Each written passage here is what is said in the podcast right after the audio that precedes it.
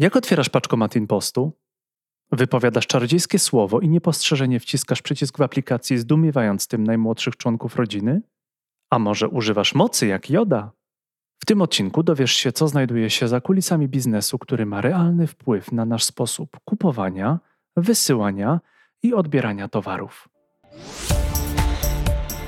Escola Mobile. Biznes masz w kieszeni. Ten podcast organizowaliśmy rok. Przekładaliśmy termin rozmowy, bo Impost rozwija się z prędkością światła, a nasi goście ciężko pracują, aby utrzymać to tempo. Nadać jak najprościej, dowieść jak najszybciej, odebrać jak najwygodniej. Czy to jest klucz do sukcesu firmy? Prawdopodobnie jesteś jednym z milionów użytkowników aplikacji Impostu. Ten biznes masz w swojej komórce, a komórkę masz w swojej kieszeni. Kiedy to wszystko się zaczęło i kiedy pojawił się prawdziwy game changer, który spowodował wzrost zainteresowania usługami? Nie pominiemy pandemii. Czy to było nowe Boże Narodzenie, które zdarzyło się wiosną 2020 roku? Poruszymy też temat bezpieczeństwa w korzystaniu z usług Impostu. I to nie tylko w kontekście wichur, z powodu których całkiem niedawno firma przedłużyła termin odbioru paczek. Dzielimy się wiedzą. Zapraszamy do wysłuchania podcastu. Dzień dobry, dzień dobry. Witam w kolejnym odcinku Escola Mobile. Tym tygodniu mamy gościa, którego chyba rok próbowaliśmy zaprosić do naszego podcastu. Bardzo ważnego gościa, który można powiedzieć na swój sposób no, zrewolucjonizował, a przynajmniej bardzo odświeżył rynek mobilny w bardzo ważnych dwóch sektorach. Pierwszy sektor to e-commerce, bo za pomocą aplikacji InPost bardzo dużo trafia właśnie przesyłek, które zakupujemy przez internet, a drugi, no nie wiem jak to powiedzieć, e, kurierski, tak, czyli jakby za tym, co się dzieje backendowo, jest też dużo innowacji i o tym dzisiaj będziemy rozmawiać. Ja długo czekałem na ten odcinek. Ze mną jest e, Maciej Wojtowicz i Wojtek Kułaga. Ja bym chciał, żebyście zaczęli od tej osoby, która jest dłużej w InPoście, żeby powiedziała nam, czym się zajmuje. Tak, to, to na mnie wypadło w takim razie. Ja już jestem e, no, prawie 3 lata. Zajmuję się w Impoście digital marketingiem, e, czyli tymi tematami, które oscylują wokół naszych kampanii digitalowych, e, wykorzystując różne kanały dotarcia do użytkownika. No i między innymi też naszym własnym sumptem, między innymi promujemy naszą mapkę mobilną i jej opcje, które są dostępne dla użytkowników. Wojtek? Ja w Impoście zajmuję się aplikacją mobilną. E, jestem product ownerem, także tutaj cała odpowiedzialność spoczywa na moich barkach za to, jak aplikacja wygląda, jak aplikacja działa. E, jestem w sumie troszeczkę krócej tylko niż, niż, niż Maciek, e, także tutaj myślę, że od strony aplikacji bardzo dużo będę mógł powiedzieć, jak to u nas wygląda. Wiele rzeczy się zmieniło przez te trzy lata. Wstęp jest pewnie taki, że wiele osób w Polsce może kojarzyć ten moment, jak były dołączane jakieś blaszki do, do listów, jakieś różne były kombinacje, no nazwijmy to wprost, kombinacje, żeby przełamać monopol poczty. Natomiast nie chcę rozmawiać o jakby impoście jako całej historii firmy, chcę porozmawiać o tym rozwiązaniu jakby paczkomatowym. Skąd się wziął akurat ten pomysł? Czy możecie opowiedzieć jakby na, na jakie potrzeby on e, odpowiada? Może właśnie Zaczniemy od Maćka, jako że jest dłużej w firmie. Rzeczywiście, jak ja przychodziłem, to tych paczkomatów, bo właśnie sobie tak przed, przed spotkaniem z Wojtkiem to podsumowaliśmy, było, e, było około 4000, czyli e, tak naprawdę w ciągu niecałych trzech lat z 4000 do, do obecnie 15 tysięcy, no ten rozwój widać, że mm, bardzo szybko nastąpił. E, ja myślę, że jakby przede wszystkim, jeżeli chodzi o paczkomaty, to najważniejsza kwestia to jest to, że jest rozwiązywany ten problem, gdzie nie każdy jest w stanie być zawsze w domu i czekać na, na kuriera, e, więc e, to jest, to jest tego rozwiązanie tego podstawowego problemu, gdzie to my możemy zdecydować, kiedy odbierzemy tą paczkę. E, tak więc więcej jest władzy, że tak powiem, w naszych rękach. E, i, i, możemy po tą paczkę podejść, kiedy, kiedy nam to pasuje. To był taki, myślę, jeden z głównych powodów, dlaczego paczkomaty tak dobrze się przyjęły u nas e, w Polsce i tyle osób, e, tyle osób z tych paczkomatów rzeczywiście na co dzień korzysta. Pewnie ciężko znaleźć kogoś, kto nie miał styczności, nie zamówił choć raz paczki, która dotarła do, do, do niego paczkomatem, więc myślę, że tak z mojej perspektywy, jeżeli ja bym miał to ocenić i nawet tak patrząc pod kątem tego, jak ja skorzystam z naszych własnych usług, no to właśnie to jest ta możliwość wyboru, tak? Nie mogę podejść, nie mogę odebrać w tym momencie, mogę zawsze poczekać chwilę albo przy okazji kiedy, kiedy jestem poza domem i, i po drodze mogę, mogę po tą paczkę wyskoczyć, więc e, tak, bym to, tak bym to ocenił. No, mi się wydaje, że to, to, się, to, to szczególnie było ważne, jak faktycznie wszyscy chodziliśmy do pracy, do biur i to było no, ciężko, żeby kurierzy przychodzili między 17 a 21, bo to było uciążliwe dla nich. Zresztą wtedy też możemy być akurat na kolacji. Mm, ale mi się wydaje, że jest jeszcze jedna przewaga, e, taka no, ukryta, ale bardzo istotna z perspektywy firmy, to znaczy prawo skali, tak? Jeżeli kurier przyjeżdża do każdego poszczególnego domu, mieszkania, no to kosztuje dużo więcej niż jak widzę tych kurierów impostor, oni błyskawicznie umieszczają to w paczkomatach, pewnie są jakieś tam naklejki, które im bardzo w tym pomagają, czy mają jakąś swoją własną aplikację, to o tym pewnie zaraz opowiemy, no ale jakby porównać tempo umieszczenia tam tyle, ile w paczkomacie standardowo jest, nie wiem, 100 paczek, a rozwiezienie 100 paczek, to strzelam, że rozwiezienie 100 paczek może zająć cały dzień kurierowi, a, a, a, a pewnie paczkomatów taki kurier obskoczy naście nawet, czy więcej, tak? Oczywiście, ja, ja czytałem gdzieś tę liczbę, ale to już wiele lat temu, że to jest rzędu właśnie kilkuset paczek maksymalnie kurier jest w stanie przewieźć, natomiast wasz wielo, wielokrotnie więcej to było jakieś prawo skali typu 6-7 razy No tak, więcej. tak, tak, to się zgadza. Ja tutaj hmm. jeszcze e, nawiążę troszkę do historii, bo tak naprawdę pierwszy paczkomat, pierwsza maszyna stanęła w 2009 roku, gdzie Impost, to co tam wspomniałeś o, o tym przełamaniu monopolu e, Poczty Polskiej powstał w 2006 roku, więc trzy lata po tym pierwszy paczkomat e, pojawił się na rynku. I tutaj co warto podkreślić, to też nasz prezes gdzieś tam bardzo często w wywiadach wspomina. Nikt nie wierzył w, y, w, tą, w tą jego wizję, w ten jego pomysł. Tak naprawdę można nawet powiedzieć, że się pukał w głowę, że to będzie niszowe rozwiązanie i się nie przyjmie. E, I tutaj z, tak z historycznego punktu widzenia tak naprawdę e, pierwsze paczkomaty w większej ilości były stawiane za granicą, a nie w Polsce. Dopiero ten trend y, w Polsce gdzieś około 2013-2014 rok, jak pojawił się tutaj nasz nowy soft paczkomatowy, jak ten kierunek rozwoju E, został tutaj drajwowany przez biznes, czyli biznes wiedział, że będzie potrzebne jakieś skalowanie.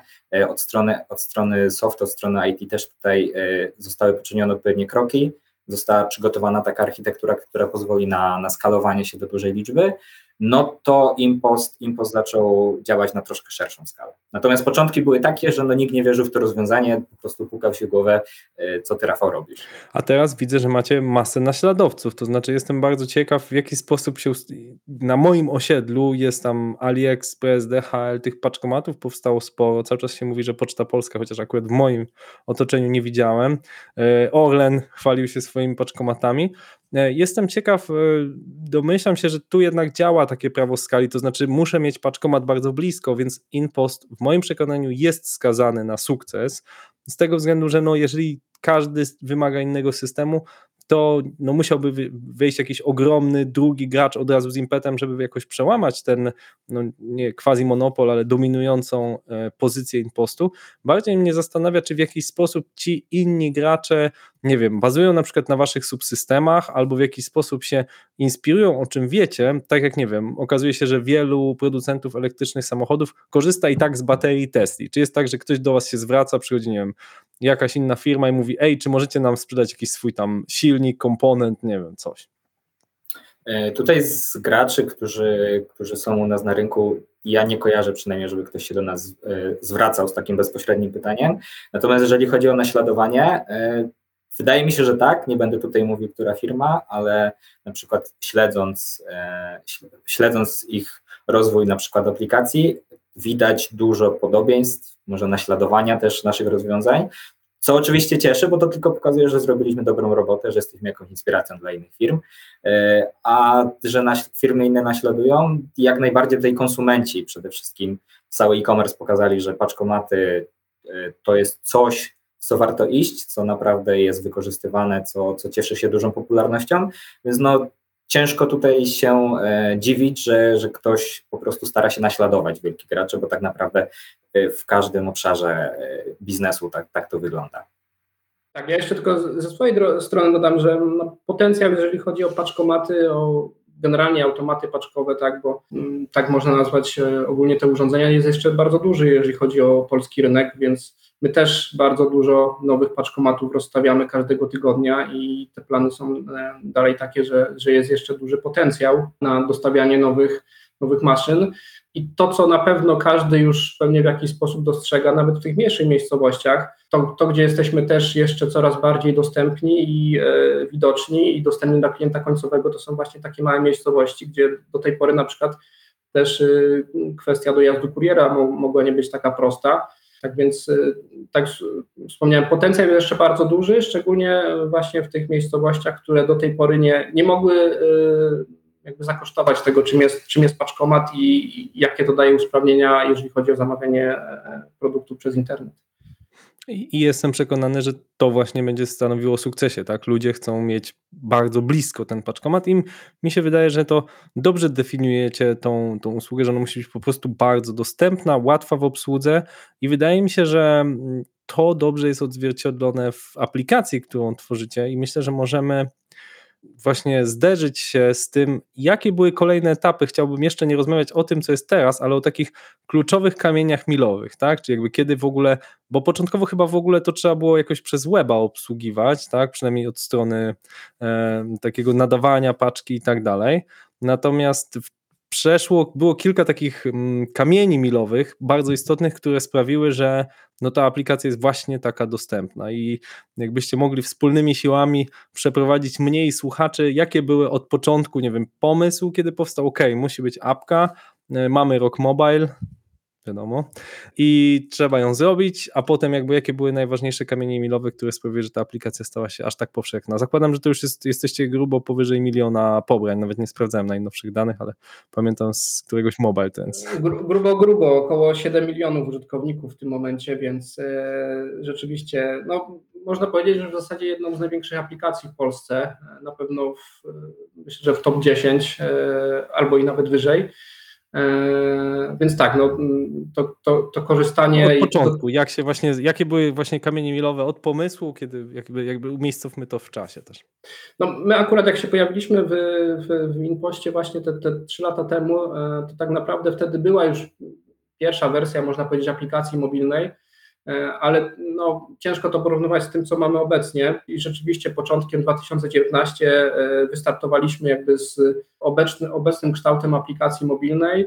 Wcześniej przede wszystkim, jeżeli chodzi o te interakcje i sprawdzanie statusów e, przesyłek, no to głównie wiadomo, że nasza strona internetowa, której można sobie sprawdzać statusy, statusy paczki i SMS-y, które przychodziły z powiadomieniami. Chcieliśmy coś zmienić, chcieliśmy wykorzystać to, że coraz więcej osób y, już korzysta bardzo tak w taki e, naturalny sposób z urządzeń mobilnych, y, jest w stanie obsługiwać bez problemu aplikacje mobilne. E, no i też widzieliśmy, że to jest ten kierunek, gdzie trzeba rozwijać biznes jako taki, jeżeli chodzi o to, w jaki sposób będziemy się kontaktować z klientem, jak będzie ten interfejs wyglądał, poprzez który klient z naszymi usługami ma, ma styczność. E, więc jakby Oczywiście taka była taka motywacja, no a wszystko się zaczęło, można powiedzieć, właśnie niecałe trzy lata temu, gdzie wystartowaliśmy z tą, e, z tą w obecnym kształcie, oczywiście bez tych wszystkich opcji, bo one zostały dokładane w czasie, o czym będziemy mówić. E, no właśnie wtedy, wtedy wystartowaliśmy już tak na, na 100%. Że mobile będzie jakby tym głównym kanałem, nazwijmy to komunikacji z użytkownikiem. Myślę, że tak moglibyśmy Tak, tak, tak, ująć. dokładnie. dokładnie. Ta, ta mhm. aplikacja, ta pierwsza aplikacja, o której tutaj Maciek wspomniał, to jest tak naprawdę 2015 rok. E, to była taka próba wejścia w mobile. To była mhm. aplikacja, która była zrobiona i wypuszczona tak naprawdę tylko na system Android. Jeżeli ja dobrze pamiętam, to chyba była jedna albo dwie wersje i przez te 4 lata de facto oszałamiająca liczba kilkudziesięciu tysięcy pobrań. E, tak naprawdę Aplikacja e, był troszeczkę za wcześnie jak na swoje czasy. Ten rynek mobile wtedy w Polsce był bardzo niszowy. Mało kto tak na poważnie myślał. Raczej tutaj była kwestia, kwestia użytkowników webowych. E, z tego względu, z tego względu też zakładam, że ten pomysł został porzucony. No i później to, co, to, co powiedział Maciek, czyli 2019 rok, zupełnie, zupełnie inne podejście. Tutaj mógłbym troszkę też nawiązać do tego softu paczkomatowego nowego, który był, e, jego architektura została stworzona tak, żeby później mógł się łatwo skalować. Tutaj też, jeżeli chodzi o aplikację, takie podejście od strony, od strony backendowej zostało założone, że ma być to coś, co nie będzie zrobione w 2019 roku i później będzie, nie będzie rozwijane, tylko raczej była już podjęta taka długofalowa strategia, że będzie to takie główne narzędzie, główny interfejs dla naszych użytkowników, więc y, ta architektura też została tak przygotowana. Od strony frontowej również takie podejście y, zostało wzięte, z tego względu też y, aplikacja została napisana natywnie, żeby tutaj bez żadnych ustępstw czy kompromisów, tylko jak, jak najlepiej tą aplikację dostosować do możliwości systemu, żeby no, jak najwyższą jakość zapewnić temu naszemu użytkowi. No tak, i czyli można powiedzieć, że ten rok 2019 jest tak, ok, idziemy w e, mobile e, i nie wiem, ja, dla mnie było parę takich przełomowych etapów w tej aplikacji. Na pewno jednym z takich bardzo, bardzo ważnych to była możliwość e, otwierania paczki, paczkomatu zdalnie z aplikacji. No wiecie, to jest trochę magia, nie? Bo jakby zarządzamy czymś zupełnie zdalnie, to znaczy, że to musi być po pierwsze bezpieczne, tak? Więc trzeba jakby, domyślam się, uwiarygodnić, że to jest ten user, to IP, że nie może się nikt podszyć, czyli na pewno musi to być bardzo dobrze zabezpieczone jakimś tam firewallem po, po środku, tak, dobrym szyfrowaniem tego. To musi być wiarygodne na pewno, że jestem w danej lokalizacji, czyli wiem, musimy mieć naniesione trackery. Tak sobie wyobrażam oczywiście od strony technicznej, ale to nie jest, jest jak znam się na, na IT, to nie jest wcale łatwa rzecz, którą wprowadziliście. A drugim takim dla mnie bardzo szczególnym momentem było E, wprowadzenie możliwości nadawania paczek bez drukowania tych etykiet, bo to myślę, że doprowadza wiele osób do, no, do jakichś tam małych frustracji, bo to trzeba tak, nakleić tak, tak, i dokładnie. nie każdy ma drukarkę, nie każdy ma klej, nie każdy umie przyciąć, a potem coś, a potem to rozmoknie ta etykieta, więc to dla mnie były osobiście jako użytkownika, ale myślę, że to też wpłynęło ogromnie na waszą mhm. konwersję. Trzecia rzecz to multi tak, nie wiem jaką to nazwę. Mieliście pewien problem jednak w pandemii, no, tych nadmiaru tych paczek, pewnie zaraz o tym opowiecie, więc że można było kilka paczek, skoro zamówiłem trzy dla siebie i one się mieszczą, no to nie muszę zajmować trzech, e, trzech skrytek. Więc chciałbym, żebyście przynajmniej o tych trzech, jakichś takich największych przełomowych, z mojej perspektywy przełomowych, ale może dodacie jeszcze inne, e, opowiedzieli. To, to może zaczniemy właśnie od otwierania tego zdalnego paczkomatów, jak to, w ogóle skąd pomysł i jak, jak coś takiego, długo, jak długo to zajęło pracy, właśnie na ile o tym się często nie mówi, że to nie jest tylko aplikacja, ale też trzeba na backendzie wymyślić, tak, na, żeby ten paczkomat wiedział, tak, e, nie wiem, może... Tak. To ja, ja może powiem, jeżeli chodzi o zdalne otwarcie, jeżeli chodzi o zdalne otwarcie, w sumie te wszystkie tematy, które, które wspomniałeś, e, Tutaj bardzo ładnego określenia nasz prezes używa, że są to tak zwane game changery. Jak najbardziej tutaj się z tym zgadzam, bo, bo tak naprawdę dodanie tych funkcji do aplikacji, e, to nawet Maciek pewnie o tym wspomni, e, pokazało, poka zostało to bardzo dobrze odebrane przez użytkowników, co pokazują wykresy, wykresy pobrań, wykresy zainteresowania aplikacją. Zresztą też Tutaj troszkę nieskromnie zabrzmi, ale nagrody, które otrzymaliśmy za te, za te funkcjonalności pokazują, że jednak był to dobry krok. A skąd zdalne otwarcie paczkomatów? Tak naprawdę y, pomysł został wymyślony na którymś spotkaniu y, dyrektorskim czy zarządu, y, został po prostu, została rzucona wizja, że słuchajcie, taki fajny pomysł, mamy tutaj duże kolejki przy paczkomatach, może byśmy zrobili zdalne otwarcie. I tak naprawdę ten rok 2019 to jeżeli chodzi tutaj o mobile, wypuściliśmy aplikację, natomiast takim kolejnym krokiem było zróbmy coś super, bo my Impost zawsze postrzegani byliśmy jako, jako firma innowacyjna, zawsze staraliśmy się być o krok przed wszystkimi, więc zróbmy coś, co będzie takie super wywoływało efekt wow, bo tak jak tutaj e, wspomniałeś, e, faktycznie, jeżeli dajemy komuś możliwość zdalnego, czyli bez, bezdotykowego sterowania czymś, to jest to, daje to olbrzymią frajdę. Tak naprawdę to jest tak jak małemu chłopcu, czy już nawet większemu chłopcu dajesz zdalnie sterowaną, nie wiem, koparkę. To jest to olbrzymia frajda, to tutaj tak naprawdę przez analogię można powiedzieć, że, e, że też tutaj dzieje się taka magia.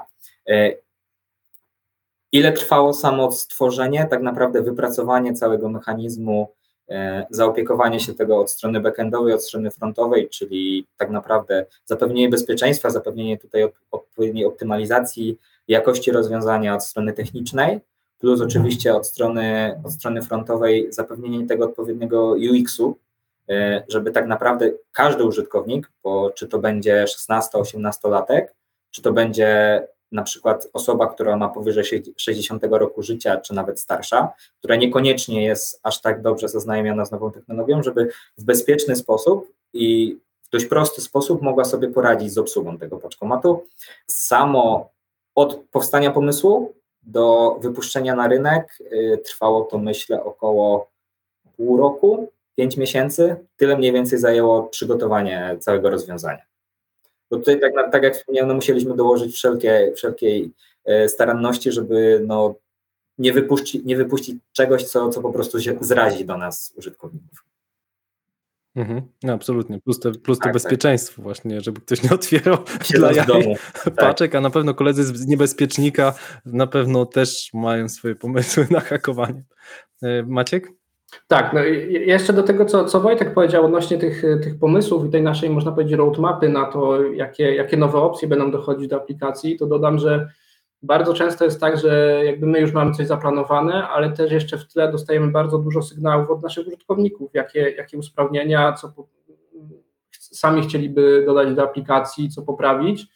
No i to jest też tak, że yy, no, gros tych rzeczy wpada bezpośrednio jako komentarze na, e, na sklepach e, w App Store, w Google Playu. To, co mógłbym doradzić, jest też innym, jeżeli chodzi o aplikacje, to, to uważne wczytywanie się w te, w, w te komentarze, bo, bo sporo fajnych inspiracji rzeczywiście dostajemy od, od użytkowników i to też jakby poniekąd potwierdza te nasze plany, tak, że, że Ale czytacie widzimy- faktycznie, jakby macie, macie jakby na to, bo tych komentarzy jest masę, tak? Faktycznie czytacie i patrzycie, co tam się Tak, dzieje, fak- faktycznie Mhm. czytamy wszystkich e, opinii, e, w sensie ocen, bo, bo ocenę można wystawić bez opinii. W tym momencie mam około miliona, sumarycznie z dwóch sklepów, więc dosyć dużo. A komentarze czytamy, e, można sprawdzić, odpowiadamy. Szczególnie staramy się rozwiązywać jakieś e, problemy, no bo nie ukrywajmy, że za- zawsze jakaś, e, każda aplikacja różnego ro, ro, rodza- rodzaju problemy może wygenerować u użytkownika. Więc to, co jesteśmy w stanie jakby rozwiązać już bezpośrednio na sklepie, to jesteśmy w stanie doradzić. Część rzeczy przekierowujemy jakby już na kontakt bezpośredni i staramy się to albo z klientem rozwiązać, albo e, z naszym IT zna- znajdujemy e, sposób na rozwiązanie. Może coś trzeba po prostu poprawić e, w kolejnej aktualizacji. Więc tak czytamy i i za- zachęcam, żeby, żeby to robić, też żeby wchodzić w interakcję z użytko- użytkownikami jakby też z perspektywy takiej marketingowej, jeżeli chodzi o promocję samej aplikacji, to jest mega istotne, żeby, żeby też to robić, bo to wpływa na ocenę. Zauważyliśmy, że sporo użytkowników, którym udało się rozwiązać dany problem albo podpowiedzieć, jak coś można zrobić, e, później zmieniało tą ocenę na wyższą, E, więc, więc to, jest, to, jest, to jest bardzo fajne. No i myślę, że jeżeli chodzi o samą ocenę naszej aplikacji, to już abstrahując od tego, jak my ją oceniamy, że nam się podoba, tak, które na, nagrody branżowe, które e, właśnie zbiera, no to dla nas najważniejsza jest ta satysfakcja klienta i to widać po ocenach w sklepach. E, tak, można zobaczyć, jaka tam jest średnia ocena właśnie przy tej liczbie ocen, czyli prawie miliona, gdzie, gdzie średnia to w zasadzie jest e, 5 e, 5-0, no to myślę, że e, pod tym kątem możemy być zadowoleni, ale tak jak mówię, czytamy i zawsze, jeżeli coś widzimy, co e, mamy zgłoszenie i jesteśmy w stanie poprawić, to, to nie, nie przechodzimy obok tego obojętnie, więc e, No tak, no, w- pewnej skali, tak, w pewnej skali błędy zawsze się, zawsze się zdarzą, tak? To nie wiem, właśnie paczka zamoknie, czy gdzieś tam ten, czy nie mogę otworzyć, bo na przykład y, mój telefon, nie wiem, z kolei nie, nie, nieodpowiednio działa, tak? E, To jest, to jest super, jeżeli jesteście w stanie jeszcze wejść w interakcję i sprawić, że naprawdę użytkownik był zadowolony. Słuchajcie, porozmawiajmy o tym drugim game changerze, jak już e, stwierdziliście, czyli właśnie pojawia się możliwość, no mieliśmy takie spiętrzenie, początek pandemii, rozmawialiśmy poza anteną, że no ten marzec, marzec do czerwca, jak wybuchła pandemia, był początek, to po prostu było spiętrzenie, które normalnie wydarza się w grudniu, święta, tak, wszyscy, cały e-commerce szaleje, wszyscy chcą coś kupić dla siebie, dla rodziny, dla przyjaciół, więc to jest coś, na co firmy kurierskie, na co e-commerce'owe się przygotowują, natomiast no ciężko było się przygotować na e, pandemię. E, Maciek powiedział, że jeszcze mieliście e, mniej niż połowę, tak, tych paczkomatów, które jest teraz liczbowo. Ja pamiętam ze swojego osiedla, że to wyglądało tak, że często ten kurier po prostu musiał stać przy i po prostu wydawał paczki z samochodu i tak to dobrze, że to jakby działało, tak, że jakby w każdej sytuacji znajdowaliście e, jakieś rozwiązanie. No i, i pojawiło się, rozumiem, jeden pomysł, no to szukajmy miejsc na paczkomaty, ale to nie zrobi się z tego z dnia na dzień, a druga rzecz, no to optymalizacja. No i jedną z nich była, było wrzucenie kilku paczek do, do jednej skrytki. Z pozoru wydaje się proste, ale podobnie jak z tym otwieraniem, wymaga jednak pewnej pracy, więc e, ponownie Wojtek, jak to wyglądało od strony czasu, nakładów, skąd wziął się pomysł? Na pewno pomysł też się przewijał w komentarzach, e, to nawet widać w komentarzach na sklepach pod, pod aplikacją, czy to App Store, Google Play, czy, czy App Gallery. E, ludzie oprócz tego, że chwalą aplikację, to, to też jest jakiś tam dla nich kanał komunikacyjny, żeby powiedzieć, że coś im się nie podoba. Natomiast bardzo dużo było komentarzy, może nie bardzo dużo, ale było sporo komentarzy, gdzie ludzie zwracali uwagę, ale im poście, słuchajcie, jak ja mam trzy paczki odebrać, to czemu nie wrzucicie do jednej skrytki? E, pomysł z drugiej strony też powstał e, tutaj u nas w dziale operacji. E, to był jedno z takich usprawnień optymalizacji. Natomiast od samego pomysłu do uruchomienia multiskrytki minęło bardzo dużo czasu, ponieważ trzeba, trzeba było e, bardzo dokładnie wszystko przeanalizować. Tutaj tak naprawdę był to jeden z największych projektów organizacji, e, który został, można tak powiedzieć, przywrócony do życia, gdy zaczęła się pandemia, z tego względu, że e, pojawiały się jakieś mniejsze tematy, ten projekt toczył się gdzieś tam na boku, natomiast jak, jak pojawiła się pandemia i faktycznie, tak jak tutaj wspomniałeś, ten okres, do którego przygotowujemy się cały rok, nagle nam się pojawił w kwietniu, gdzie to była taka naprawdę próba generalna naszej infrastruktury, naszych operacji, w zasadzie całej, całej firmy. E, przyspieszył to, e, przyspieszył to, tutaj był po, położony duży nacisk na to, żeby jak najszybciej to wdrożyć i faktycznie e, pojawienie się multiskryptki po pierwsze było bardzo dużym ułatwieniem dla użytkowników, bo tak jak tutaj bardzo wiele osób się, bardzo wiele osób prosiło wrzucajcie te kilka paczek do jednej skrytki, to było duże ułatwienie, a po drugie pozwoliło nam rozwozić jeszcze więcej paczek e, w tym samym czasie tak naprawdę. Więc, więc to też był taki duży game changer. Z jednej strony dla nas ułatwienie, z drugiej strony e, ułatwienie dla klientów, czyli taka typowa sytuacja win-win. Okej. Okay. E, mamy bardzo dużo osób na LinkedInie, które nas obserwują i parę pytań mam, ale jeszcze chcę zapytać o swoje pytanie, czyli właśnie o tą możliwość drukowania bez etykiet, bo to jest y, dla mnie coś, czego nie robi akurat y, żadna inna firma. Nie znam żadnej firmy kurierskiej, która pozwala bez etykiet coś nadać. Ja się zawsze zastanawiam w ogóle, jak nadaję rzeczy wypisując etykietę ręcznie, co jakby nadal jest powszechne na poczcie, kto to potem rozczytuje, bo mm, mam dosyć ciężką dysgrafię i bardzo rzadko posługuję się długopisem. Y, na komputerze piszę bardzo czytelnie, zaznaczam, natomiast długopisem gorzej i dostaje się potem takie potwierdzenie i te paczki faktycznie trafiają, więc ktoś musi mieć jakiś super skill albo ten OCR, który pracuje, zakładam i czytuje to ręczne pismo, jest bardzo, bardzo skuteczny.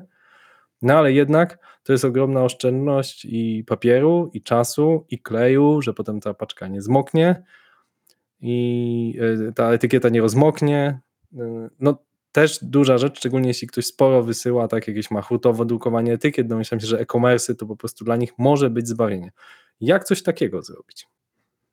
Tak, no to, to może znów od, od tej strony takiej bardziej marketingowej, że tak powiem, e, to też było coś, co, co bardzo często się przewijało, właśnie z tych względów, o których Ty wspominałeś, gdzie no, prozaiczna rzecz, ktoś może nie mieć drukarki, no i już e, jest ten pierwszy problem dotyczący tego, jak, jak, jak można nadać, e, nadać paczkę, bo jednak ta etykieta musi być wydrukowana. Oczywiście taką próbą generalną, jeżeli chodzi o samą usługę nadawania paczek, bo wcześniej wprowadziliśmy taką usługę tylko, że webową, gdzie rzeczywiście trzeba w prosty sposób, to są szybkie nadania, w prosty sposób można E, wyklikać właśnie to, gdzie chcemy nadać e, przesyłkę i do kogo. E, więc to jest bardzo, bardzo prosty proces, tylko że właśnie wymaga wydrukowania etykiet, no i odbywa się na, na przeglądarce webowej. Więc zanim w ogóle ta opcja nadawania bez etykiety pojawiła się w aplikacji mobilnej, no to już przez dłuższy czas mieliśmy E,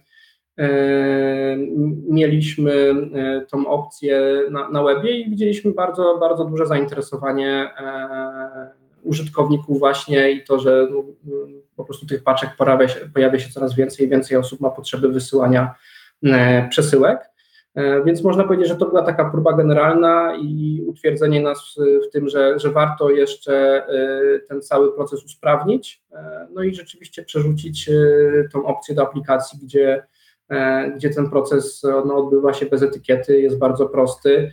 E, I już sam później proces nadawania przesyłki w, w paczkomacie też, też jest bardzo prosty e, z aplikacją mobilną, więc e, z naszej perspektywy już widzieliśmy, że to na pewno będzie fajna rzecz dla użytkowników, a dodatkowo jeżeli możemy to usprawnić właśnie poprzez to, że nie, nie trzeba drukować etykiet, no to tym bardziej warto coś takiego wdrożyć w aplikacji mobilnej. Wojtek od strony product ownera, czy to było trudne wyzwanie właśnie wdrożenie tego? Ile to zajęło mniej więcej tygodni czy miesięcy, żeby udało się ten projekt wdrożyć? E, wiesz co, generalnie było to wyzwanie, e, no nie ukrywajmy, że była to mała rzecz, bo to była jedna z większych rzeczy, z tego względu, że oprócz tego, że musieliśmy Poz, musieliśmy pozwolić użytkownikowi na stworzenie takiej paczki, to jeszcze pozwoliliśmy mu na, na opłacenie takiej, takiej przesyłki. E, tutaj jeszcze zaznaczę, że gdy zaczynaliśmy rozmawiać e, o tym, e, o tym temacie, o tej nowej funkcjonalności, to tak faktycznie było to, co Maciek powiedział. Zobaczyliśmy duży potencjał w takim nadawaniu klientów e, detalicznych, czyli klientów, którzy nadają sporadycznie, na szybkich nadaniach. Szybkie nadania nam pokazały, że drzemie w tym olbrzymi potencjał i tutaj, kierując się tą strategią, o której na początku wspomniałem, mobilną, stwierdziliśmy, że tak, aplikacja będzie świetnym miejscem, kolejnym krokiem na rozszerzenie tych, tej możliwości e, nadawania.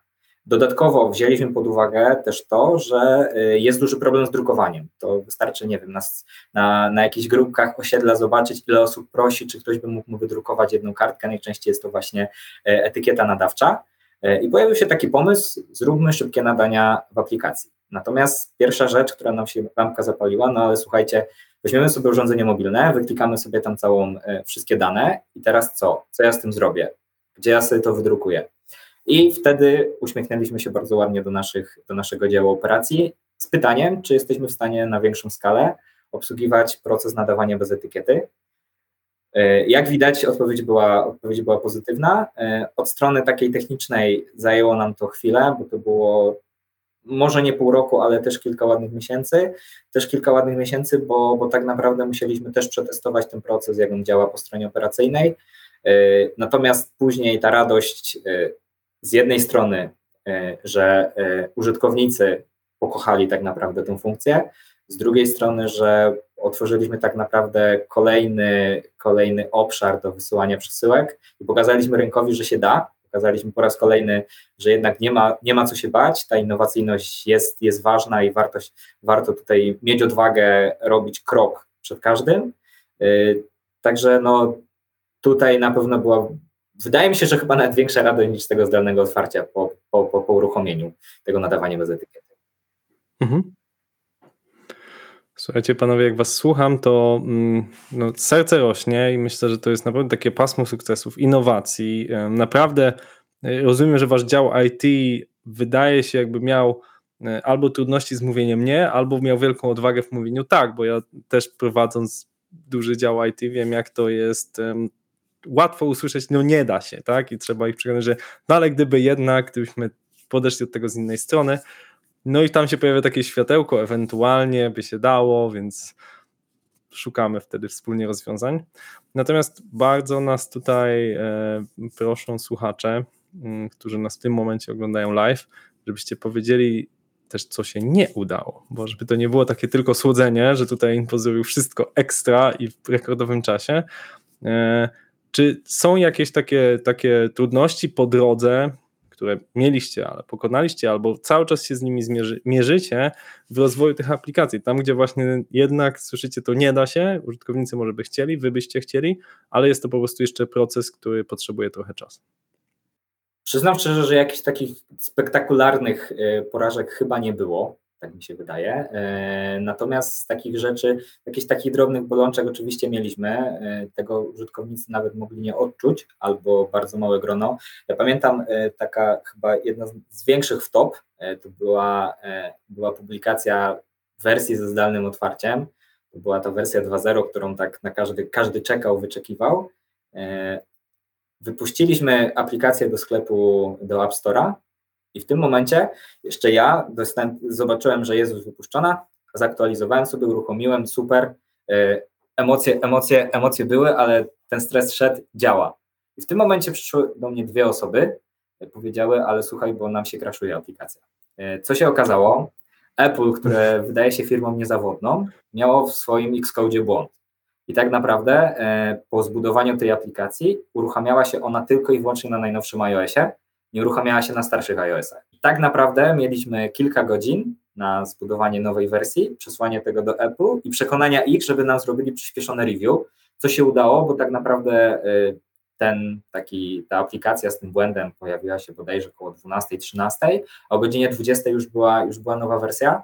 E, natomiast uznaję to za wtopę, bo niestety nasz prezes zdążył zaktualizować tą aplikację, a nie zaktualizował iOS-a, więc no spektakularnie, spektakularnie okay. źle zaczęliśmy, zaczęliśmy tą przygodę. Mhm.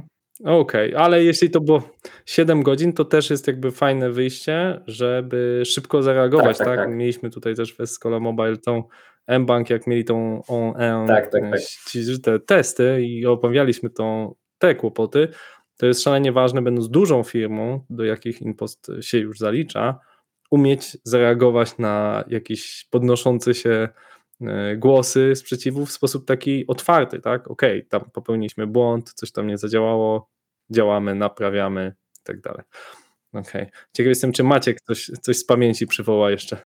Tutaj oczywiście e, wypuszczamy aplikację, która e, działa czy to na Androidzie, czy, czy na iOSie i jesteśmy uzależnieni od, od tych sklepów. Bo ja pamiętam też taką sytuację, gdzie też mieliśmy już gotową wersję do wypuszczenia. Nie pamiętam Wojtek, co to dokładnie miało być, ale też bardzo długo czekaliśmy na e, review i przejście tej, tej wersji bodajże w Google Playu. Więc E, to też jest coś, co jakby z naszej perspektywy my wiemy, że już jest gotowe, chcemy to szybko wypuścić e, dla użytkowników, e, ale z różnych przyczyn. Tam akurat dokładnie nie wiedzieliśmy dlaczego, bo wiadomo, kontaktowaliśmy się z supportem. Udało się to w końcu rozwiązać, ale czekaliśmy dosyć długo, zanim, zanim ta aplikacja przejdzie, więc E, to też pokazuje, że e, choćbyśmy byli też e, zawsze gotowi, już chętni do tego, żeby coś prowadzić, no czasami mogą jakieś takie czynniki zewnętrzne nam, nam w tym przeszkodzić, więc to też warto, warto brać pod uwagę, gdy, gdy rzeczywiście korzystamy z, no jakby z zewnętrznych dostawców.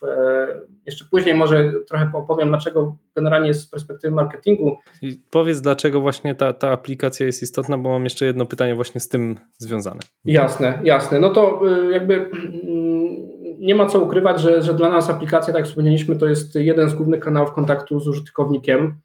E, stąd też e, no teraz ta baza 7 milionów użytkowników, do których możemy docierać e, z naszymi, z naszymi usługami, z naszymi produktami, informować o tym, co nowego się u nas pojawiła, to jest no jakby nie, nieoceniona, nieoceniona rzecz. No i to też jest ważne w związku z tymi wszystkimi zmianami, które zachodzą na rynku reklamy internetowej. Pewnie większość osób już słyszała o tym, że już e, niektóre przeglądarki blokują, blokują third party cookies.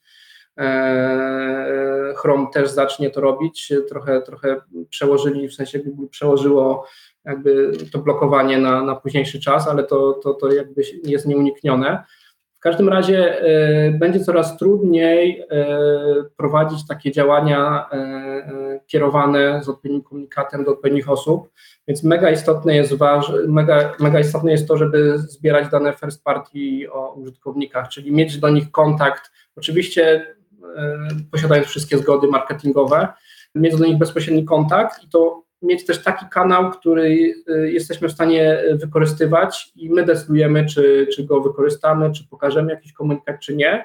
No bo znów, jeżeli się uzależniamy od kanałów zewnętrznych, tak jak, nie wiem, profil na Facebooku, kanał na YouTubie, to często jest tak, że niestety z jakichś różnych przyczyn możemy być tam zablokowani. My pewnie też sporo osób słyszało o tych problemach YouTube'owych, gdzie różni YouTuberzy mieli zablokowany kanał. E, no nas też to spotkało i też nie wiedzieliśmy dlaczego. Dopiero po paru dniach udało się go odblokować, więc jakby opieranie swoich e, możliwości komunikacyjnych tylko na takich zewnętrznych kanałach, nad którymi nie mamy pełnej kontroli, to też jest, też jest błąd, e, patrząc tak długofalowo a wiadomo, że aplikacja to jest coś naszego, co jakby my sami jesteśmy w stanie rozwijać i też to jest ta, ten, ten to medium, za pomocą którego możemy się kontaktować z użytkownikami, więc z perspektywy, no wiadomo, tam już wchodzą takie tematy jak oszczędności budżetowe, kampanijne, no bo jeżeli możemy dotrzeć do naszych użytkowników własnymi kanałami, no to jakby inwestowanie w reklamę dodatkowych środków też nie musi być aż tak bardzo problematyczne, jeżeli chodzi o budżety. Maciek, i właśnie o to chciałem zapytać, bo od mm, nie wiem, półtorej roku, może od roku, e, nie wiem czy dla wszystkich, czy tylko dla tych, którzy mają aplikację pobraną, nie są już wysyłane SMS-y z informacją, że tam twoja przesyłka została nadana, odbierz, czas się kończy, kiedyś były takie SMS-y. Teraz już i one nie są wysyłane. I prawdę mówiąc, długo zachodziłem w głowę, bo akurat jestem osobą, która bardzo dba o swój cyfrowy dobrostan i nie wiem o żadnej aplikacji, którą by miał włączone powiadomienia te typu push. E, no a jednak aplikacja InPostu dość mocno do tego w takim sensie zmuszała, że no nie wiedziałem, że ktoś nadał do mnie paczkę, gdzieś tam jedna mi odleciała, zanim się zorientowałem. E, I, i widzę, że jakby jest taki push na push, jeśli chodzi o, o, o InPost. I z czym to jest związane? Z tym właśnie, żeby ludzie włączali te pusze i dzięki temu, żebyście mieli z nimi kontakt? Czy jest to związane z tym, że jednak SMS no jednak kosztuje tam te grosz, pół grosza, ćwierć grosza w waszej skali, czyli w skali tam milionów, milionów nadawanych paczek, to jest po prostu kwestia budżetowa? Jakby jak to jest? Mogę zacząć, tak, Wojtku. Pewnie ty dorzucisz jeszcze od siebie, jakby jak to z twojej perspektywy wygląda. Zacząłbym jeszcze od innej rzeczy, e, która jest teraz mega istotna i też dotyka wiele, wiele firm, e, a mianowicie próby phishingowe, e, bo z tym się pewnie każdy zetknął i bardzo często niestety SMS-y są wykorzystywane do tego, żeby gdzieś tak próbować nas naciągnąć poprzez jakieś dopłaty do paczek, które musimy uiścić, kliknąć, zapłacić po to, żebyśmy dostali, dostali swoją przesyłkę, załóżmy. E, jakby my takich rzeczy nie wysyłamy i to też jakby w pewien sposób dzięki aplikacji użytkownik ma tę świadomość, że e, jakby te komunikaty otrzymuje z aplikacji, więc e, jest mniejsze prawdopodobieństwo, że ktoś się pod nas podszyje i będzie w ten sposób próbować wyłudzić jakieś nasze, nasze dane. Więc to na pewno jest ta kwestia bezpieczeństwa, która myślę teraz dla każdego jest mega istotna. Na pewno w kontekście samych powiadomień, no to to też jest kwestia tego, że jeżeli ktoś ma aplikację mobilną, to też nie chcemy kogoś zarzucać milionem różnych powiadomień, które będą przychodzić do tego użytkownika, więc e, to ograniczenie do, do wiadomości e, puszowych, mobilnych, które są wysyłane w związku ze zmianą statusu, statusu paczki, jakby w tym momencie jest wystarczające. Bardzo często te pusze też no, są traktowane, można powiedzieć, jak takie wiadomości SMS, w sensie użytkownicy je po prostu czytają, jeżeli coś nam przychodzi na, na telefon, to, to, to widzimy, odbieramy bardzo szybko, tak jakbyśmy SMS-a odebrali, gdzie, gdzie ta gotowość i chęć przeczytania tej wiadomości jest, jest dosyć duża, więc e, jakby z, z perspektywy też użytkownika to jest e, nie nagromadzenie za, za dużej liczby kontaktów w jednym czasie, gdzie, gdzie ten push jest wystarczający tak naprawdę. No tutaj w sumie potwierdzę to, co Maciek powiedział, głównie tutaj chodzi o, o bezpieczeństwo użytkowników. Natomiast pewnie nawiązując do Twojego pytania, skłamałbym mówiąc, że no, nie zaoszczędziliśmy na tym, bo, bo, bo tak naprawdę jest to jakaś oszczędność dla firmy. Natomiast y, tutaj to, co, to, co tutaj nas kierowało do, do zmiany, do przejścia na, na pusha, no to właśnie było bezpieczeństwo użytkowników, bo mimo, że spora już część odbiorców przerzuciła się na aplikację, y, nadal te akcje występują, występują pod przeróżnymi formami, y, czy to przy odbiorach, typu dopłać ileś tam klikając w link, Y, czy to przy, przy nadaniach chociażby na Elixie bardzo często ludzie się podszywają, mówiąc, że mamy na przykład nadanie za pobraniem, pojawia się strona według nich impostowa, która tak naprawdę nie jest w żaden sposób, nawet nie przypomina naszych stron, ale ma nasze logo, gdzie trzeba podać dane karty, czy dane konta, już nie pamiętam dokładnie. No i potem i tam się to zatwierdzało chyba i y, dzięki temu te pieniądze trafią na konto. W każdym razie bardzo często się to pojawia, ja też od swoich znajomych już kilkanaście razy wręcz dostałem takich screenów z pytaniem, czy to na pewno nasza strona, więc pomimo tych naszych tutaj akcji promocyjnych, y, czy to naszych, czy z jakimiś partnerami, y, gdzie promujemy tak naprawdę bezpieczeństwo, nadal te pomysły, y, nadal te pomysły tutaj oszustów są, są nawet do tego stopnia, że praktycznie podszywają się niemal bezbłędnie pod, e, pod, e, czy to pod nas, czy to pod banki. Ostatnio chyba któryś z serwisów pokazywał stronę mBanku, gdzie tak naprawdę w linku chyba była jedna litera z jakąś tam kropeczką bardzo mało widoczną, więc to niemal idealny podstęp był. Więc tutaj z naszej perspektywy to bezpieczeństwo naszych użytkowników od początku było też, też takim jednym z priorytetów. Tak, to, to, to przy okazji jeszcze się, się, się a, propos tych, tych, tych akcji phishingowych dodam, że warto, znaczy po pierwsze, e, jeżeli są dokonywane jakieś transakcje, zakupy, to zawsze to powinno się odbywać w ramach jakby takich natywnych funkcji danego serwisu, tak, że nie wychodzimy gdzieś na, na jakieś Whatsappa, nie, nie rozmawiamy o tym, w jaki sposób opłacić z kimś przesyłkę, czy zapłacić za produkt, czy zamówić kuriera, no bo to już jest podejrzane. Więc zawsze powinniśmy na to zwracać uwagę, plus wszelkie tego typu rzeczy można zgłaszać do nas, czy to przez formularze kontaktowe, czy przez infolinię. My to też sprawdzamy i też jesteśmy w stanie podpowiedzieć, zweryfikować, więc tak na przyszłość, jeżeli ktoś ma wątpliwości, to zawsze warto do nas też e, napisać e, z pytaniem. Tutaj ta czujność jest najważniejsza, bo niestety nie tylko my jako firma kurierska, inne firmy kurierskie, ale też inne firmy, e, które, które działają, czy, czy to właśnie banki bardzo często są przedmiotami takich, takich ataków. Okej, okay, no właśnie, to o tym bezpieczeństwie właśnie dużo mówiliśmy i faktycznie, no niestety ludzi, ludzie no, kupują oczami, dosłownie, tak, więc jeżeli nie mają odpowiednio wrażliwych oczu, a szczególnie jeśli to jest jakimś kanale mobilnym, nie wiedzą, że nie powinni wychodzić z danego ekosystemu, nie wszyscy są ekspertami w IT, mogą łatwo się pogubić. To dobrze mi uzasadniliście kwestia e, pusha na pusha.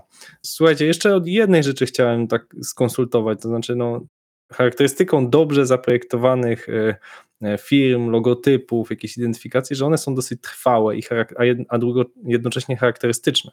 I jak dla mnie te, te żółte oczka, te, ten żółty, nie wiem, gadający boksik jest na pewno no, czymś unikalnym. Nie wiem, kto to wymyślił, jak UX-owiec, ale uważam, że powinien naprawdę być ozłocony, bo tak nie wiem, jabłuszko w Apple jest przez lata jakoś tam może miało parę modyfikacji, logo Coca-Coli się nie zmieniało, ale ma takie jakieś charakterystyczne aspekty, że od razu wiemy, że to jest to. I moim zdaniem no, ta identyfikacja, którą ta żółta, która została opracowana, naprawdę jest strasznie rozpoznawalna, a przy tym żywa, to znaczy, że ten paczkomat życzy miłego dnia, wszystkie są te powiadomienia, to też nie jest coś, co inne firmy robią, te komunikaty są raczej strasznie suche, tam zmień datę przesyłki, jakieś strasznie długie numery, nieprzyjemnie się to czyta, tymczasem InPost wypracował jakąś taką bardzo miłą komunikację, także tutaj składam gratulacje teamowi marketingowemu i, i prosiłbym o słowo komentarza, to znaczy czy to było od początku zamierzone, czy gdzieś właśnie też to była jakaś prośba użytkowników, a może taki właśnie wasz wewnętrzny sznyt i co przy okazji byś poradził innym firmom, żeby stworzyć tak jakby jednoznaczną komunikację e, e, z klientami.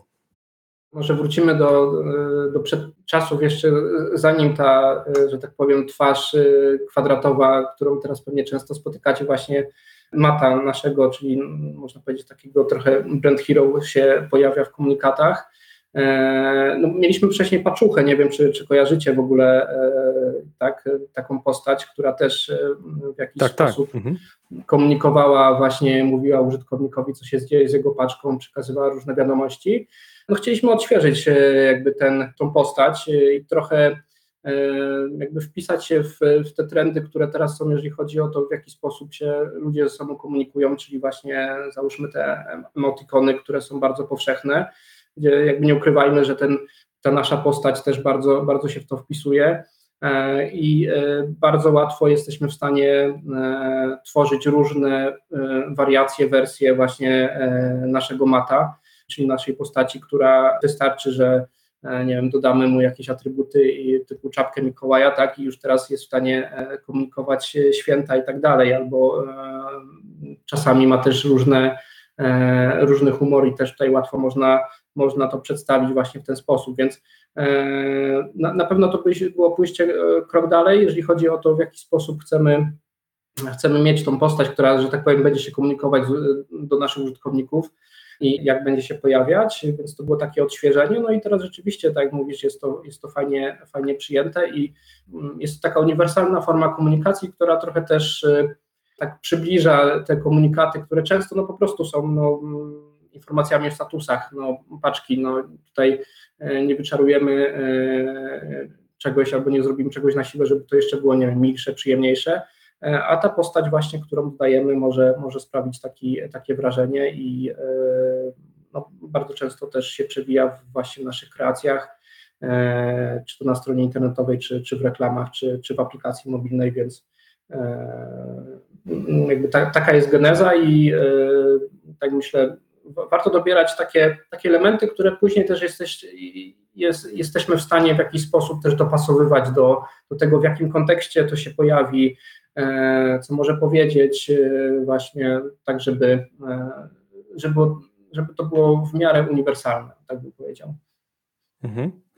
Chciałem jeszcze zapytać każdego z Was o mm, deal breaker, tak, game changer, że pojawia się jakaś taka kolejna duża rzecz i tu dwa pytania mam, to znaczy taki, taka e, next big thing, ten game changer, na którym teraz pracuję, być może pracujecie, może jesteście w stanie uchylić rąbka tajemnicy, ale też macie dosyć szeroki ogląd, domyślam się, pracujecie i w teamie marketingu i e, i ty Wojtek jako product owner robicie research, co robi konkurencja na świecie, tak? Do Polski niedawno wszedł Amazon. Co takiego widzicie jako trend e, w ogóle w e-commerce, w, w, w dostawach? Czego można się spodziewać w najbliższych latach, powiedzmy z perspektywie dwóch, trzech lat. To te dwie rzeczy chciałem zapytać. Nie wiem, czy pierwszą możecie coś zdradzić, co będzie next y, game changerem, a jeśli nie, to ogólnie co, co, na co warto obserwować? Na pewno coś związanego z paczkami. To będzie kolejna rzecz, która gdzieś się tam pojawi. Wydaje mi się, że to będzie jakiś, oh, wow. będzie jakiś game changer, natomiast zbyt, zbyt dużo nie mogę powiedzieć. A jaka przyszłość e-commerce'u i generalnie logistyki? E, zobaczymy. Zobaczymy. Ja bardzo liczę, że w perspektywie może kilku, może kilkunastu lat e, dojdzie, dojdą do, skutki, do skutku dostawy dronami, czy, jak, czy jakakolwiek inna forma autonomii. E, zobaczymy, jak tutaj, w którym kierunku ten, ten rozwój, rozwój pójdzie. Na pewno e, patrząc z doświadczenia, patrząc tak z perspektywy czasu na impost, wydaje mi się, że możemy być jednymi z pierwszych, którzy gdzieś zrobią ten innowacyjny krok, z tego względu, że e, no, tak jak pewnie każdy jest to w stanie zauważyć, raczej, raczej nie obawiamy się e, wprowadzając jakieś nowinki. Jeżeli gdzieś nowinki się pojawiają, to, to, to, to raczej u nas, raczej tutaj stawiamy na tą innowację, a nie na rzeczy, które są obyte. Więc myślę, że jeżeli coś się pojawi, to warto tutaj śledzić impost i, i pewnie, pewnie, to, pewnie to będzie u nas pierwsze. Tak, to jeżeli chodzi o takie trendy generalnie, to myślę, że warto zwrócić uwagę na coś, co mm, też często spotykamy w komunikacjach różnych marek, też, e, czyli te, te tematy związane z ekologią, które dla nas są mega istotne, mega ważne, bo mm, podkreślamy to, że, że właśnie paczkomaty są tą e, ekologiczną formą, formą dostawy właśnie ze względu na to, że ten kurier, który e, e, e, może dostać większą liczbę paczek do jednego paczkomatu niż dojeżdżać do każdego klienta z osobna.